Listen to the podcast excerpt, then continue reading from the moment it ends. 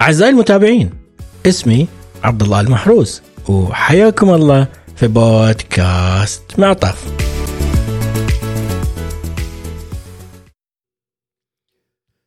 الحالة النفسية للموظف في القطاع الصحي لها خصوصية أكثر من أي قطاع آخر ليش؟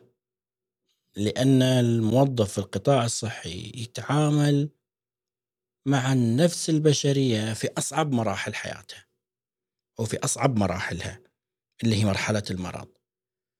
فعمله اليومي مريض من مريض إلى مريض والناس تختلف في حالة المرض حقها. ناس تكون متفائلة ناس تكون متشائمة ممكن يصادف أشخاص عصبيين.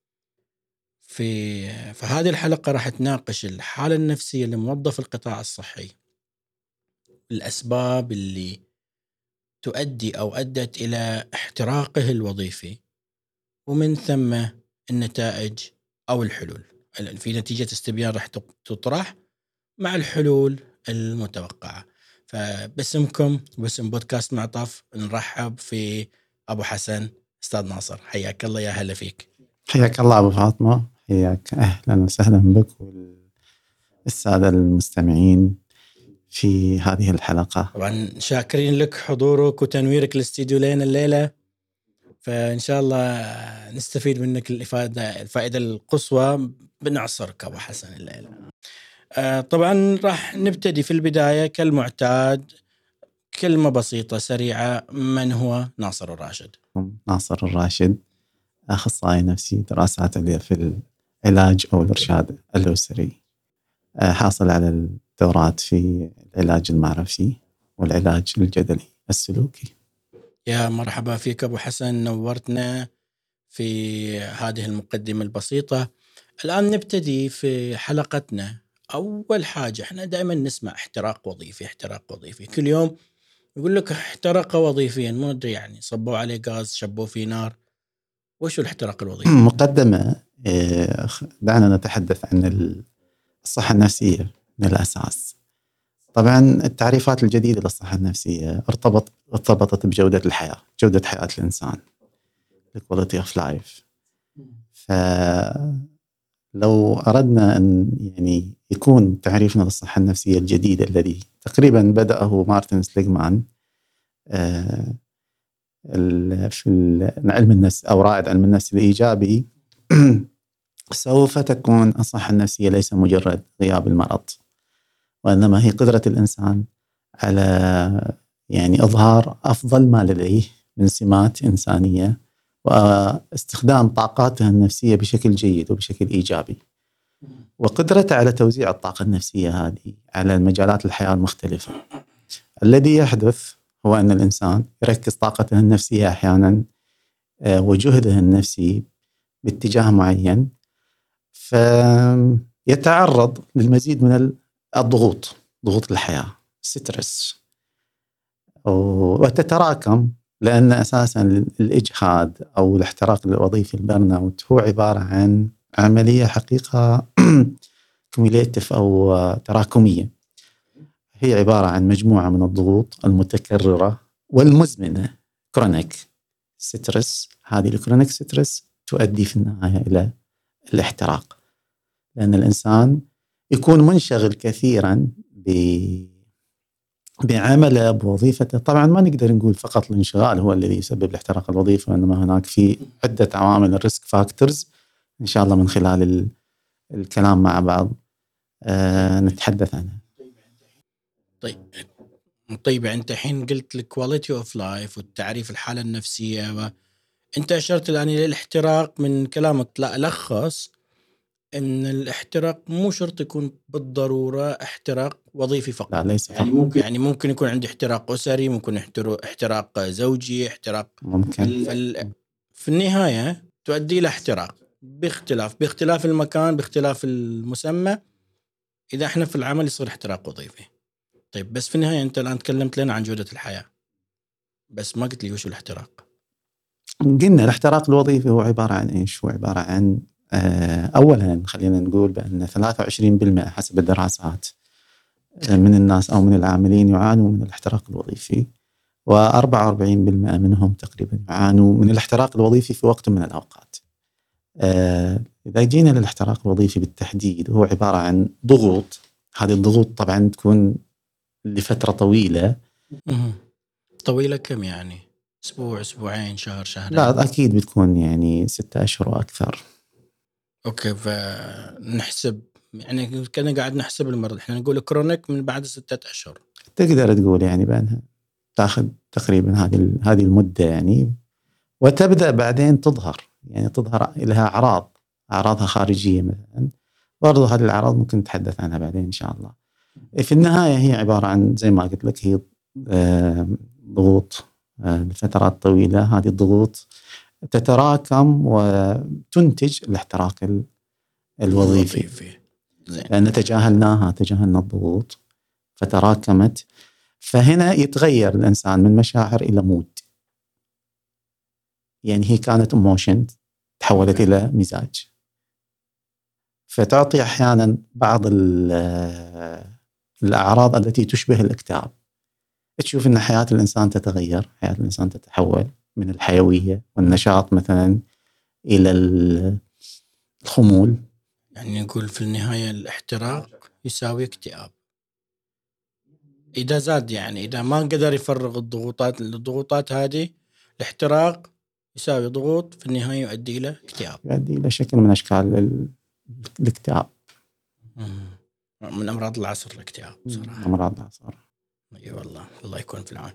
طيب بالنسبة لنا إحنا كممارسين صحيين أو مقدمين رعاية صحية وأنت ويانا أبو حسن وش الأبعاد النفسية اللي أنا كموظف بتعرض لها يعني كيف أنت بتحلل شخصية الممارس الصحي هل على حسب المهنة مقدار التعرض حسب الموقع؟ وش الشيء اللي يخلينا نقول إن هذا الموظف ألف معرض لاحتراق وظيفي أكثر من موظف باء. هو بشكل عام يعني الناس أكيد يختلفوا في استجابتهم للضغوط. أكيد الضغوط هي أشياء طبيعية في حياة الناس لكن طريقة الاستجابة لهذه الضغوط تختلف من شخص لشخص. مثلها مثل أي أي اضطراب نفسي. يكون عند الإنسان استعداد أساسا للاحتراق الوظيفي على سبيل المثال. بس أحيانا يكون في مثل المرسبات. المرسبات هي عبارة عن الأسباب الداخلية أو الموجودة في الشخصية أو الموجودة في الصفحة النفسية للإنسان ال profile psychology. وهذا الشخص عندما يتعرض للضغوط المستمرة المزمنة هذه يؤدي إلى أنه يوصل إلى مرحلة الاحتراق الوظيفي. طبعا آه، هذا جانب إنه المكون الشخصي أو النفسي للشخص نفسه. في شيء مهم آخر برضو ما نقدر نغفله وهي بيئات العمل نفسها. بيئات العمل إما إنه البيئة ال physical setup يعني بيئة العمل نفسها آه، ما فيها أماكن مثلا للراحة ما فيها أماكن للرفاهية ما فيها أماكن ل يعني للمتعة إن الموظفين ممكن يروحوا يستريحوا في هذا المكان. آه، والشيء الآخر في بيئات العمل أيضا الضغوط اللي تيجي من سياسات وإجراءات العمل أحيانا. أتوقع أن السياسات والإجراءات هي ثابتة في أغلب القطاعات ان بيئة العمل كممارس صحي مهما اختلفت في النهاية أنت راح تؤدي إلى نفس العمل. فأتوقع أن السياسات والإجراءات ما عليه ذاك التحمل أو ديك العبء الكبير ولكن نقول آلية التطبيق ممكن. يعني أنا عندي واحد مثلا عندي شخصية من المتابعين وجهت سؤال مباشر إيش اللي يخليك أو إيش اللي يخليك تكره الذهاب إلى العمل؟ بيقول ممكن تقول مديري هذا الجواب فعلا اللي قال ليش مديرك؟ لأن الجواب كان لأن كل فترة أنا قاعد يمر علي مدير جديد وهذا وكل مدير جديد يجي لازم أبتدي آه، من أول من الزيرو لازم أثبت له إن أنا قد المهام اللي أنا قاعد أعملها في مختلف المناصب اللي أنا مريت عليها. كل مدير جديد لازم أثبت له إن أنا إنسان كويس إن أنا وركر إن أنا وفي النهاية ينقلب الموضوع علي لأن آه أنا فهم دائما بشكل خاطئ. صرت ما أبغى أروح العمل. طبعا يعني هذه الكلمة مثلا أثبت لي إنه أنا إنسان كويس هذه من الأشياء برضو اللي ممكن تسبب الاحتراق الوظيفي. هوس الشخص بذاته. طبعا الافكار العقلانيه تعتبر. إني أنا أكون مجبور أو إن تقديري لذاتي ال self-esteem إني أنا آخذه من برا. يعني حسب المصطلح المستخدم بأن ال perception control أو إدراك التحكم يأتي من الخارج.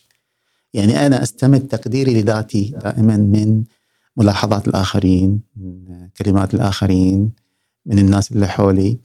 و in case إني أنا ما لقيت أي تقدير أو أي احترام آه لعملي مثلا آه ممكن ان أنا أصاب بالاحتراق الوظيفي. طيب بس أنا لازم آخذ البرسبشن حقي من عند مدير لأن في النهاية مديري تحديدا إحنا نتكلم ما نتكلم عن الزملاء أتكلم عن مديري تقييمي عنده. فإذا هو قاعد يشوف إن أنا إنسان كويس معناته بيكون تقييمي كويس وهذا التقييم يرتبط في الراتب حقي يرتبط في العلاوة حقي يرتبط في أشياء أخرى اللي أساسا أنا داخل علشان هالوظيفة. يعني أنا في النهاية داخل الوظيفه علشان أكسب لقمة عيش اكل أسرتي أربي أطفالي.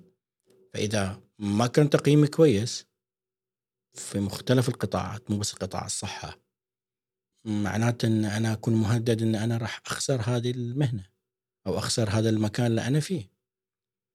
فما تشوف إن رضا مديري عني إنه يكون شيء مرة كويس أو انه أغ- بعض بعض الأحيان يكون هدف لازم أوصل إليه. آه في في بعدين في الموضوع في بعد تنظيمي ونظامي إن أنا علاقتي مع مديري أساسا هي علاقة نظامية. وفي بعد نفسي. البعد النفسي هو إن أنا يعني أستمد تقديري لذاتي من الآخرين. أوكي؟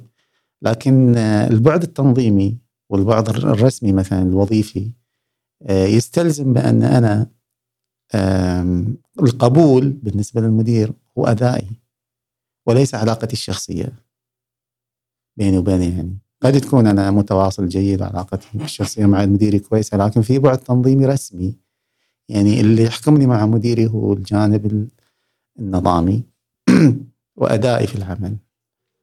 طيب ما تتفاجأ أبو حسن لما نقول إن في الاستبيان اللي إحنا عملناه وسألنا المشاركين عن علاقتك بمديرك إيش كان الجواب؟ آه، تقريبا خلينا نقول 7 أو 78% من الأشخاص أجابوا إن علاقتي بمديري جيدة عندي نسبة تقول إن متوترة وعندي ما يقارب 19% يقول لك لا تتعدى التحيات والمجاملات معناته هل هذا مؤشر إنه ممكن يزيد نسبة الاحتراق الوظيفي بسبب العلاقة مع المدير؟ العلاقة مع المدير أكيد مهمة. هو في النهاية شخص أنت تواجهه يوميا ومرتبط فيه تنظيميا كذلك. يعني في النهاية أن عملك سوف يعرض على هذا الإنسان. آه، أكيد يعني الجانب النفسي ما بنغفله. يعني عندما أنت تقدم العمل لمديرك عمل بسيط مثلا لكن تجد آه، التقدير اللي هو يعتبر واحد من الحاجات الإنسانية العميقة أصلا كما يرى آه، آه، ويليام جيمس أو جيمس ويليام أحد علماء النفس الأمريكان يشوف بأن من أعمق الحاجات الإنسانية هي الحاجة إلى التقدير والاحترام. فأنت عندما تقدم لمديرك مثلا عمل وما ما في feedback يعني آه، حيوي كذا يعطيك تقدير يشعرك بأن أنت أنجزت شيء بلا شك بأن أنت ممكن تصاب بالإحباط والأحباط يؤدي إلى غالبا يؤدي إلى الغضب. والغضب ربما يؤدي الاستياء والاستياء راح يؤديك في النهاية زي ما قلنا إلى ال mood اللي هو الاحتراق الوظيفي. وما راح أفكر إن أساسا مديري فوق مدير. وهذا المدير اللي فوق مديري هو مسبب له احتراق وظيفي فهو قاعد يسوي displacement عندي. احتمال يعمل لك إسقاطات صحيح أو تحويل. ممكن. إي فاذا أنت تخ... في كل ال... في كل الأحوال أنت بطريقة أو بأخرى أنت معرض إلى الاحتراق الوظيفي. والمجال اللي أنت لازم تشتغل عليه في المقام الأول هو ذاتك. بمختلف موقعك سواء كنت رئيس مرؤوس مدير مدراء لازم أنت انعكاسك ورؤيتك لنفسك أو اللي إحنا نسميه ال self-esteem قناعتك بذاتك انك تكون أعلى ما يمكن. إيه لذلك إحنا قلنا بأن إدراك التحكم وال perception control إذا كان داخلي أنا قناعتي الشخصية بكفاءتي بطاقتي بان إنسان qualified مثلا أو إنسان قادر على العطاء. آه، بالنسبة لي تقييم الآخرين وهذه واحدة من المخاطر اللي الناس تعاني منها. دائما إني أنا مثلا أترقب تقييم الآخرين لشخصيتي ولعملي. لما متى بستمر أنا أقيم؟ يعني في النهاية بتعب. أنا أنا مقتنع بنفسي بس إلى متى أنا بضل متعب؟ أيوه هذا هو. إن أنت كيف ممكن ان إن الإنسان تكون عنده مرونة نفسية. هني تتطلب المرونة النفسية. إن بحيث إن الإنسان يستطيع أن يغير آه، ردة فعله أو استجابته للمواقف آه، بشكل إيجابي. يعني دائما يكون ينظر إلى موضوع التقدير لذاته حسب التعبير يعني التقدير لذاته يكون مستمد من الداخل من طاقته من كفاءته من أوكي طيب آه، سؤال. هل الموروث الديني له علاقة في الاحتراق الوظيفي؟ آه، بالعكس يعني شوف آه، يعني في كثير من الدراسات اللي تتكلم عن إن الناس الذين يمتلكون يمتلكون الثقة بالنفس مثلا أو الناس اللي تكون عندهم قدرة على تحمل ضغوط الحياة يعني الموروث الديني اللي يسمى الميتاكوجنيتيف يعني هي عبارة عن استراتيجيات عليا جدا يستخدموها الناس اللي عندهم خبرات دينية عالية في مواجهة ضغوط الحياة. بالعكس الخبرات الدينية تعتبر من الأشياء أو العناصر المهمة والحيوية في في تحمل ضغوط الحياة. مثلا الصبر واحدة من استراتيجيات. صحيح, صحيح. طبعا ممكن المتابعين يستغربوا إن إيش دخل سؤالي للموروث الديني في الاحتراق الوظيفي. أنا في الأصل ما كنت معد لهذا السؤال ولكن في أثناء قراءتي للإستبيان وجهنا سؤال كيف تتصرف إذا غضبت في الدوام من رئيسك؟ لقينا عدة إجابات وإجابات متفاوتة جدا اللي جذب نظري أو لفت نظري آه، ديني يمنعني من انتهاك حقوق عقد العمل. فعشان كذا أنا جاء في بالي هل الموروث الديني في حالة الغضب أو في حالة وجود الاحتراق الوظيفي له تأثير على الموظف في تقليل أو في زيادة الاحتراق الوظيفي؟ أكيد أكيد. الخبرات الدينية لها, لها عمق ولها أثر كبير. يعني ما نقدر نقول إن الإمباكت أو التأثير أو الأثر اللي ممكن تترك الخبرات الدينية على الشخص آه، في التعامل مع الضغوط والاحتراق الوظيفي آه، بتكون آه، يعني راح تخفف عليه كثير. إذا كان هو يعني إذا كانت عميقة في الشخصية وإذا كانت active خلينا نقول ال value ان active يعني القيم النشطة في الشخصية هي أرض أيضا لها دور كبير في في تحديد آه، استجابة الإنسان للضغوط اللي اللي حوله خاصة زملاء عمل أو مدراء أو غيره يعني. أو حتى ضغط العمل نفسه يعني. إحنا طبعا سوينا تكلمنا عن مسببات الاحتراق أو تعرفنا على الاحتراق الوظيفي في البداية. شفنا الأبعاد النفسية. أه وتكلمنا في بعض مسببات الاحتراق الوظيفي. طرينا منها أو ذكرنا منها الحالة النفسية ذكرنا منها المدير الزملاء ممكن يسوون لنا احتراق وظيفي. أيضا بعض الزملاء ممكن يعمل لك احتراق وظيفي. كيف؟ مع أنه زميل أنا وهو قاعدين نأدي نفس العمل. احتمال أحيانا تكون مهمتك أو مهامك مرتبطة بمهامه.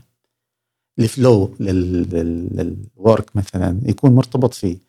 فتشوفه أنت تنجز سريع بينما هو مثلا ماخذ راحته. أكيد هذا يسوي لك احتراق وظيفي يعمل لك stress يعني خصوصا إذا كان هو يعني عملك مرتبط في عمله. أنت الآن ممكن تشوف بيئة عملك أحيانا بأن في شخص أنت تنجز لكن still هذه ال step الثانية ال flow تكون موجودة عنده فهو يجلس فيها ساعات وأكثر. فبالتالي يعطلك. صحيح. ومن هنا تبدأ إيش؟ تبدأ إن أنت عملية ويمكن العكس. إنه قاعد ينجز وأنا ما ممكن, ممكن فأنا قاعد أحرقه وما أحيانا كذا فيعني أفضل إن أنا أحرق أحسن من إنه يحرقني. فأنت هذا نصيحتك إن إحنا نحرق زملائنا لا نخليهم يحرقون والله لا تحرقهم ولا يحرقوك يعني. لا تحرقهم ولا يحرقوك. سوي العلاقة نيوترال إيه، الله يعين يا أبو حسن. طيب أنت الآن آه، إحنا ما لنا غنى. الإنسان مدني بطبعه. واجتماعي. ما يقدر يعيش في الدوام. أو برا الدوام بدون الناس.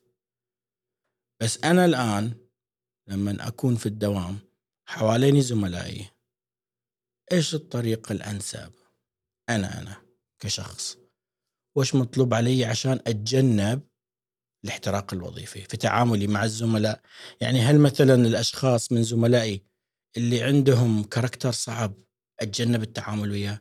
أخلي العلاقة بيني وبينه بس سلام عليكم السلام. لا تتعدى المجاملات صباح الخير مساء الخير كل عام بخير. رمضان سعيد والعيد الكبير وكل مرة واحدة. ولا في طرق أخرى وأساليب أخرى؟ أكيد يعني في أساليب. من ضمنها مثلا إن الإنسان يتعلم آه، أسلوب التواصل ال- اللطيف. أسلوب التواصل اللطيف آه، يعني بيكون تواصلك محدود مع بعض الأشخاص. مثلا اللي أنت already عارف إن هذه الأشخاص قد يسببوا لك احتراق وظيفي. أو يسببوا لك stress أساسا بالتواصل معاهم. أكيد في بعض الناس تكون سماتهم الشخصية شوي صعبة. يكونوا صعبين يعني cemented minded يعني حسب التعبير بانه شخص عنيد يعني مو مو بهالبساطة التفاهم my way or highway أيوه my way or highway بالضبط هذا إيش أسوي؟ ال one way one way thinking يعني هو. أطلب نقلي من المكان؟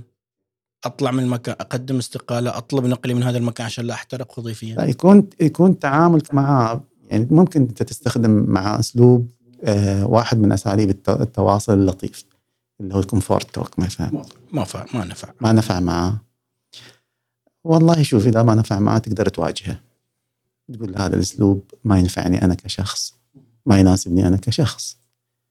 ولا تبقى في في في تواصل مزمن. يعني شوف إحنا في التعامل مع النوع من الأشخاص الصعبين مثلا عندنا عندنا عدة خيارات. fight or flight واحد منهم ان أنا أنا يا أتجنب أو إني أنا أهرب. وفي الأسلوب الثالث إني أنا آه، ما نسميه أسلوب المواجهة وإنما أسلوب المصارحة. المصارحة بلطف إني أنا أجي وأصارحك. في عندنا طبعا استراتيجية and استراتيجية and أنا سوف أتحدث معه في هذا الموضوع وستبقى علاقتي معه طب- طبيعية. و آند تبقى علاقتي معه جيدة بحيث إن إحنا وسوف نبقى زملاء. لكن أنا سوف أتحدث معه مع عن هذا الموضوع مثلا بصراحة وسوف تبقى علاقتي معه كزميل علاقة جيدة. فهنا أنا لا عملت صراع. وفي نفس الوقت ما تجنبت وبالتالي آه، حليت الموضوع. ما قلت له أنت خطأ قلت له أن هذا الموضوع يسيئني، هذا الموضوع مثلا ما يريح ما يريحني. فأنا تكلمت عن مشاعري ما تكلمت عنه كشخص. express your feeling فهذا هو الأفضل حل يعني واجه. عبر عن مشاعرك وينتهي الموضوع تقريبا ما قبله. ما قابله بسلامته انت هذا ممكن هو الخيار الأخير بيكون بأن أنت express your feeling in case إنه ما ما تقبل بسلامته طب إحنا تكلمنا عن المدير تكلمنا عن الزملاء آخر نقطة من مسببات الاحتراق الوظيفي إذا كان السبب هو المريض أو أهل المريض وش أسوي؟ يعني أنت مثلا بالنسبة للمريض أو أهل المريض كم نسبتهم الناس اللي يجوا عندهم يعني stress أو الناس اللي ممكن يسببوا لك stress نسبتهم أتوقع ما راح تكون يعني كبيرة يعني. في النهاية آه، أنت تقوم بعملك المهني باحترافية وب بشكل اذا نقول إن المريض أو أهل المريض نسبة انه يسبب احتراق وظيفي تعتبر أقل من 2 أو 3% والله هذا يحتاج لدراسة لكن نقدر نقول يعني من الملاحظة. نسبة نسبة قليلة. نسبة قليلة. الأعلى من المدير مقام الأول الزملاء المقام الثاني؟ ما نقدر نقول هالشيء برضو يعني. ما نقدر نقول أوكي. نقدر نصنف ال- المهن أو الوظائف في القطاع الصحي كامل الأعلى احتراق وظيفي ولا ما في أحصائية؟ ممكن يكون ال nursing التمريض في المقام الأول. يمكن. علشان كبر العدد. علشان آه، ال flow ال work flow عندهم عالي جدا. أوكي. فأعلى احتراق وظيفيا التمريض بعدين؟ لأنهم أكثر ناس أساسا يقضوا وقت مع المريض. يعني الوقت اللي يقضوه التمريض مع المريض أكيد وقت طويل وبالتالي شيء طبيعي إنه بيكون هم أكثر ناس اكسبوز لهذا الموضوع. والله اعز أنا التمريض أنا منكم وفيكم وقلبي وياكم. إحنا نقول آه، ما وش نقول؟ ما نقدر نقول شيء. كان الله في عونكم. كان الله في عونهم إي والله كان الله في عونهم طبعا إحنا لو لو بغينا مثلا نتكلم بشكل شوية آه، برضو عن المسببات طبعا. قلة أوقات الراحة ال lack of rest مثلا. آه، إدمان العمل. في ناس عندهم ال workaholic آه طيب أنا workaholic بس ما حسيت إن أنا محترق حاليا يعني. باي ذا تايم باي ذا تايم أتفق معك. فترة من الفترات صحيح ما صارت عندي الرغبة للذهاب للعمل بأي شكل من الأشكال. أسحب نفسي من السرير علشان أروح أداوم. هذا يعد شكل من أشكال الاحتراق الوظيفي. أيوه بالضبط. هذه من علامات الاحتراق الوظيفي. هذا هو واحد منها. هذه ال symptoms حقها فقدان الحيوية والطاقة والرغبة في العمل. وفي مشاكل النوم والأرق أحيانا. في عندهم sleep disorder أحيانا ممكن تصير. وفي قلة الإنتاجية بشكل ملحوظ فقدان الشغف حسب التعبير ال passion وفي مشاكل في الذاكرة. ينسى من كثر الضغوط اللي عليه وإنه أساسا ال mind يكون في مزحوم. مزحوم. ويكون ال brain عندنا في ال low آه، يعني خلينا نقول في ال low. low power. وضع حفظ الطاقة. يعني المفروض نحاول بما إنه في low power الأفضل إن إحنا نحطه في وضع حفظ الطاقة. وضع حفظ الطاقة يتطلب إنك أنت تنام كويس. تغير ال lifestyle بعدين حقك نتكلم فيها بعد شوي. آه برضو في موضوع مهم. الاحتراق الوظيفي أحيانا ممكن يسبب مشكلات أخرى. مثل؟ مشكلات اجتماعية. يصير عنيف مع الناس؟ ممكن. ممكن يصير في اسقاط في تحويل ممكن يروح البيت آه بسبب ال tension اللي موجود ممكن هذا يتحول للأطفال يتحول لاحد أفراد الأسرة غالبا المرأة والأطفال يكونوا معرضين لبعض الأنواع العنف اللفظي أو غيره بسبب إن الشخص قادم من بيئة عمل آه، تسبب احتراق وظيفي. فاحنا أحيانا في بيئات العمل إحنا فعلا محتاجين ان الناس يجونا أساسا الناس اللي يجونا بيئات العمل. مم. أكيد هم يجوا محملين بمجموعة من الضغوط. هو أساسا محمل بمجموعه من الضغوط الحياتية يعني. فبيئات العمل تضيف له ضغوط. أيوه. بالتالي إيش؟ بالتالي الإنسان يصاب بال- بالاحتراق الوظيفي. أو زي ما قلت يعني يسبب هذا الموضوع نسقط على ال... من ضمن الأشياء مثل إدمان العمل واحد منها اللي قد تسبب الرغبة في الإنجاز. يعني خلينا نقول في ناس عندهم over achievement ال over achiever هذول الناس اللي ممكن برضه هذا يسبب احتراق وظيفي. هذول الناس غالبا نرجع لموضوع تقدير الذات اللي يستمدوا تقديرهم لذاتهم من شعوره بالإنجاز. إنه يفكر في quantity ما يفكر في quality ولا في الاثنين؟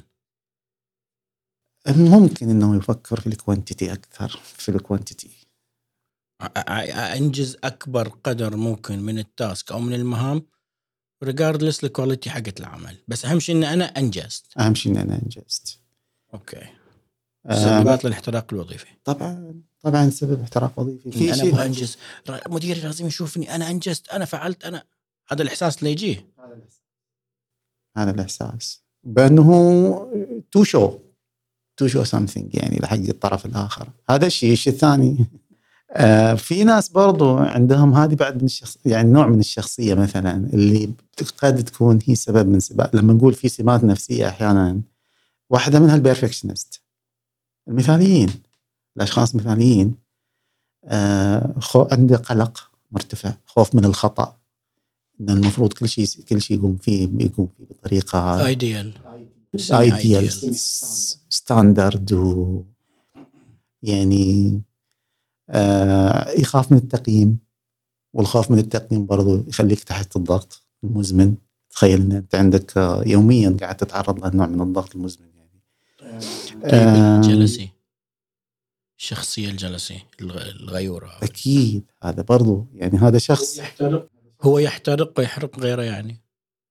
ممكن يكون سبب في احتراق الآخرين. يعني هو الغيرة لو تجيها من كمصطلح نفسي أو من الناحيه النفسيه يعني هي إن قلب المدير فكر المدير آه، تقييمات المدير المفروض أنا أكون the best أنا عند المدير المفروض أكون the best فتخيل إنه الإنسان لما يعيش بهذا هذه ال mindset هذه العقلية يعني. حالة العقل عنده ان المفروض أن أكون the best عند المدير. فهذا كيف راح يكون سلوكه مع زملائه؟ هو يجي ناصر ويصير أحسن مني. سفه ممكن. ممكن. ممكن يعرض حياة زملائه الوظيفية للخطر وهو يعيش في سترس. لأنه يحس لأنه حس بالخطر. لأنه يحس بالخطر. فهذا أفضل وسيلة إلى إنك أنت تواجه إن أنا ترى لا أسعى للشيء اللي تتصوره. اي هو غالبا يكون شخص ناقد دائما يحاول ينتقد ناقد لمجرد النقد. مش لمجرد إن مش عشان ينقد عشان إنه يبغى يبني أو يعدل. أنا أنقد لجرد مجرد النقد إن أنا أسوي الباقي داخلهم في إحباط. بالضبط. هو أساسا يعيش في حالة من الستريس فتلقاه دائما يبحث عن أدلة لكي يثبت أن الآخرين غير جيدين. And he is the best. He is the best. وأن الآخرين غير جيدين. وهو يحاول هو عنده الفكرة الآن فهو يحاول يبحث عن دليل عشان يقول للمدير فعلا إن هذا غير جيدين. ال perfectionist هم ناس أيضا يعني يتميزوا انه دائما تكون عندهم توقعات عالية. من نفسهم ومن الآخرين. بالضبط. التوقعات العالية واحدة من الأشياء اللي ممكن تسبب تسبب الاحتراق الوظيفي شيء طبيعي يعني. و ال perfectionist عندهم حاجة برضو إنهم ما يثقوا بالآخرين كثير. low trust أو no no trust بعض الأحيان يصير. في موضوع برضو يتعلق بالعوامل اللي ممكن تؤدي الاحتراق الوظيفي هي lack of community يعني خلينا نقول العلاقات الاجتماعية مفقودة داخل بيئة العمل ما في تواصل. ما في تواصل ما في علاقات اجتماعية. ليش أنا أتواصل؟ أنا ما أبغى أتواصل وياه. أنا الشخص هذا ما يعجبني. ليش أتواصل وياه؟ في آخرين ممكن تتواصل معاهم. لا ما أبغاهم. هذولك حسودين. أنا أحسن واحد. أنت أحسن واحد يعني معناها إن أنت عندك مشكلة. منهم هم عشان أتواصل وياهم. لازم ي... لازم يبهروني أول عشان أنا أقدر أتواصل يعني أنت تستحق أن تصاب بالاحتراق الوظيفي. يعني أنا حرقت نفسي بنفسي. هذه انتحار. نعم. أنت قبل شوية أشرت إلى نقطة مهمة وهي ان الإنسان مدني أو اجتماعي الطبع صحيح؟ صحيح. فبالتالي بيئة العمل محتاجة إلى إلى آه خلينا نقول ال community أو ال relationship بين الناس اللي موجودين. أكيد هذه تسبب كثير على أن الناس تنفس لبعض. وإحنا عندنا في بيئات العمل في جماعات العمل يقعدوا مع بعض ويسولفوا مع بعض وينفسوا مع بعض ويتكلموا ويصير في release لبعض الأشياء يعني. بس مو مو دايم.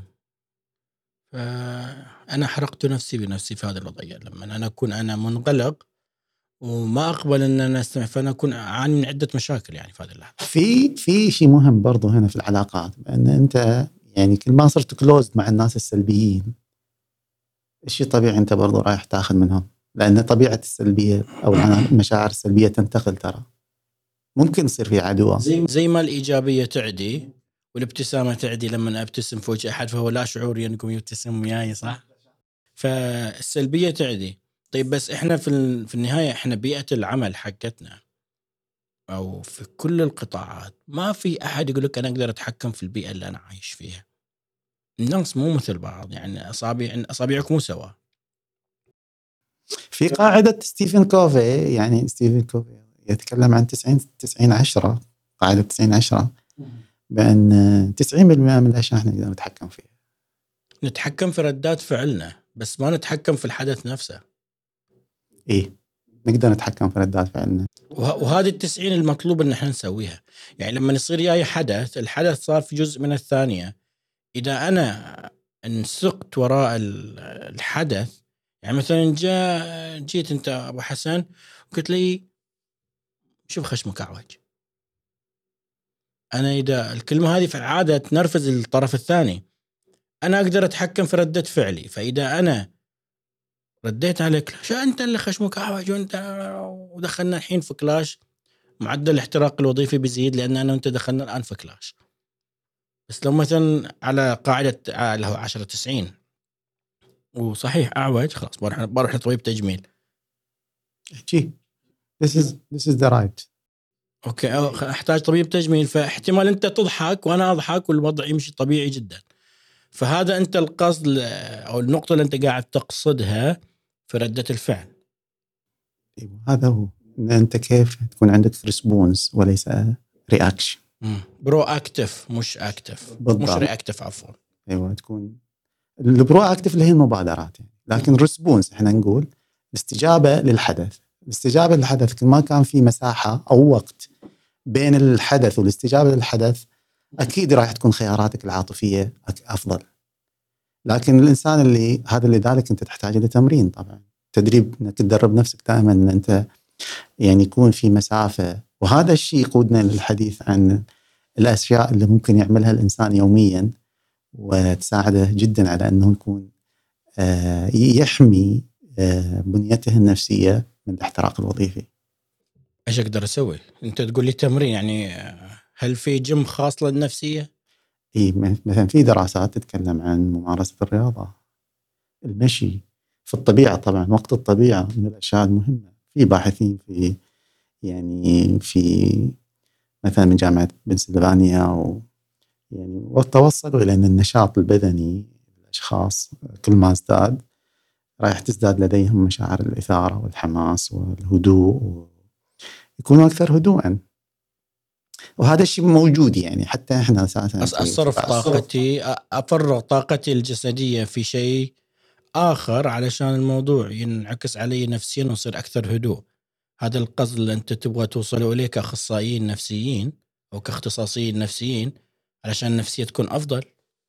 هو هو تحت عنوان تحت عنوان مثلا ال behavior activations اللي هي يعني آه تكون عندنا نوع من السلوكيات الوظيفي السلوك النشاط السلوكي الإيجابي. من ضمنه بتكون الرياضة من ضمنه مثلا التنفس العميق من ضمنه اللي هو التخيل من ضمنه التخيلات الإيجابية لو سمحت. الآن التخيلات الإيجابية طبعا. وفي كلام أساسا الحين في ال DBT مثلا أو العلاج الجدلي السلوكي يركز على dialectic behavior therapy يركز على موضوع ال mindfulness اليقظة الذهنية. here and now ما الذي يحدث الآن؟ الحين وش قاعد يصير لي؟ فأنت كل ما دربت نفسك على here and now you can manage your emotion تقدر إن أنت تضبط مشاعرك تقدر تتحكم في مشاعرك بشكل كويس أنت تمرن بس تمرن يعني انه أوكي هذا شعور سيء لو استمر وش راح يتحول لإيش في النهاية؟ أنا أساسا مفكر اليوم أروح الدوام كيف أضايق ناصر؟ كيف أكسر خشمه قبل لا هو يكسر خشمي؟ بعض البشر أو بعض مقدمين الرعاية يدخل الدوام كنا داخل حرب. أنا اليوم إذا فلان قال لي هذه الكلمة بقضى عليه. هذه الشخصية كيف أقدر أدربها؟ إحنا لو جينا نسأل الناس مثلا الناس اللي آه، في بيئات عمل مشتركة مثلا يتعرضون لنفس الضغوط لنفس الأشخاص. أوكي. ناس ناجحين في التعامل مع ضغوط العمل. فلو جينا سألنا هذه الناس الناجحين آه، ما هي الاستراتيجيات مثلا؟ أو الطرق اللي يستخدموها لكي يتجاوزوا هذا النوع من المحن أو هذا النوع من الضغوط المزمنة. طيب حتى هذا النجاح يقول لك هذا النجاح نسبي. هو هو أكيد إنه نجاح نسبي. ما, ما اللي يعتبره أنا نجاح يعتبره ناصر هذا مسلم من المسلمات لأنه في حياته ولا شيء. هذا الموضوع مثلا اللي أنا اعتبر عندي نجاح كبير. أنا حققت مشوار لأن ناصر قبلي في في المجال خبرته أعظم أعماله أكثر فهذا يعتبر من الاشياء النجاح اللي أنا لي مسلم بالنسبة إليه. فهذا ممكن لما أنا أقول لناصر أنا عملت هذا الإنجاز طالع فيه not big deal بتقول لي. صحيح؟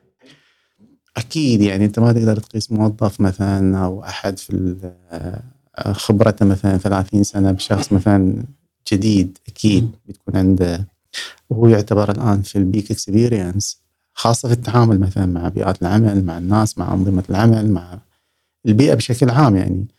هو already يمكن وصل إلى يعني مرحلة من مراحل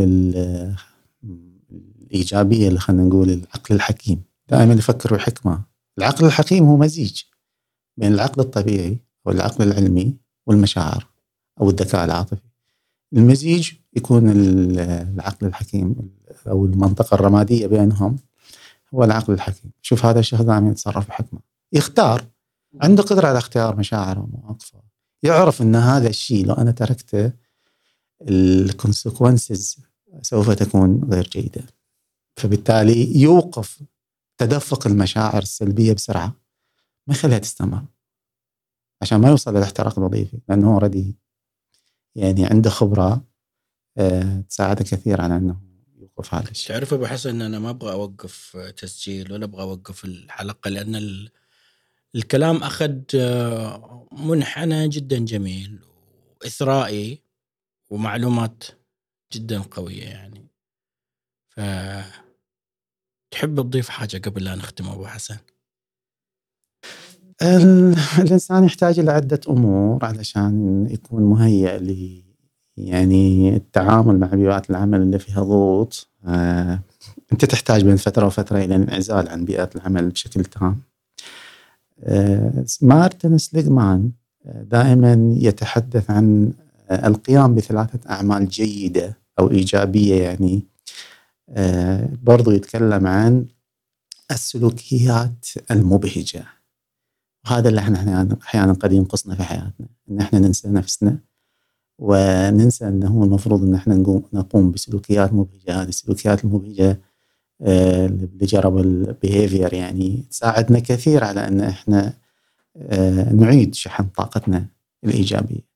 وكذلك مثل ما قلت إن أنت تحتاج بين فترة وفترة عدم الاسترسال أن أنت تبتعد عن بيئات العمل. يعني إجازتك حاول تستثمرها مثلا ال weekend حاول تستثمره بشكل آه، يساعدك كثير على أن أنت فعلا تعود لبيئة العمل وأنت في كامل طاقتك وحاول بقدر ما تستطيع أيضا أن أنت لا تؤجل بعض الأمور.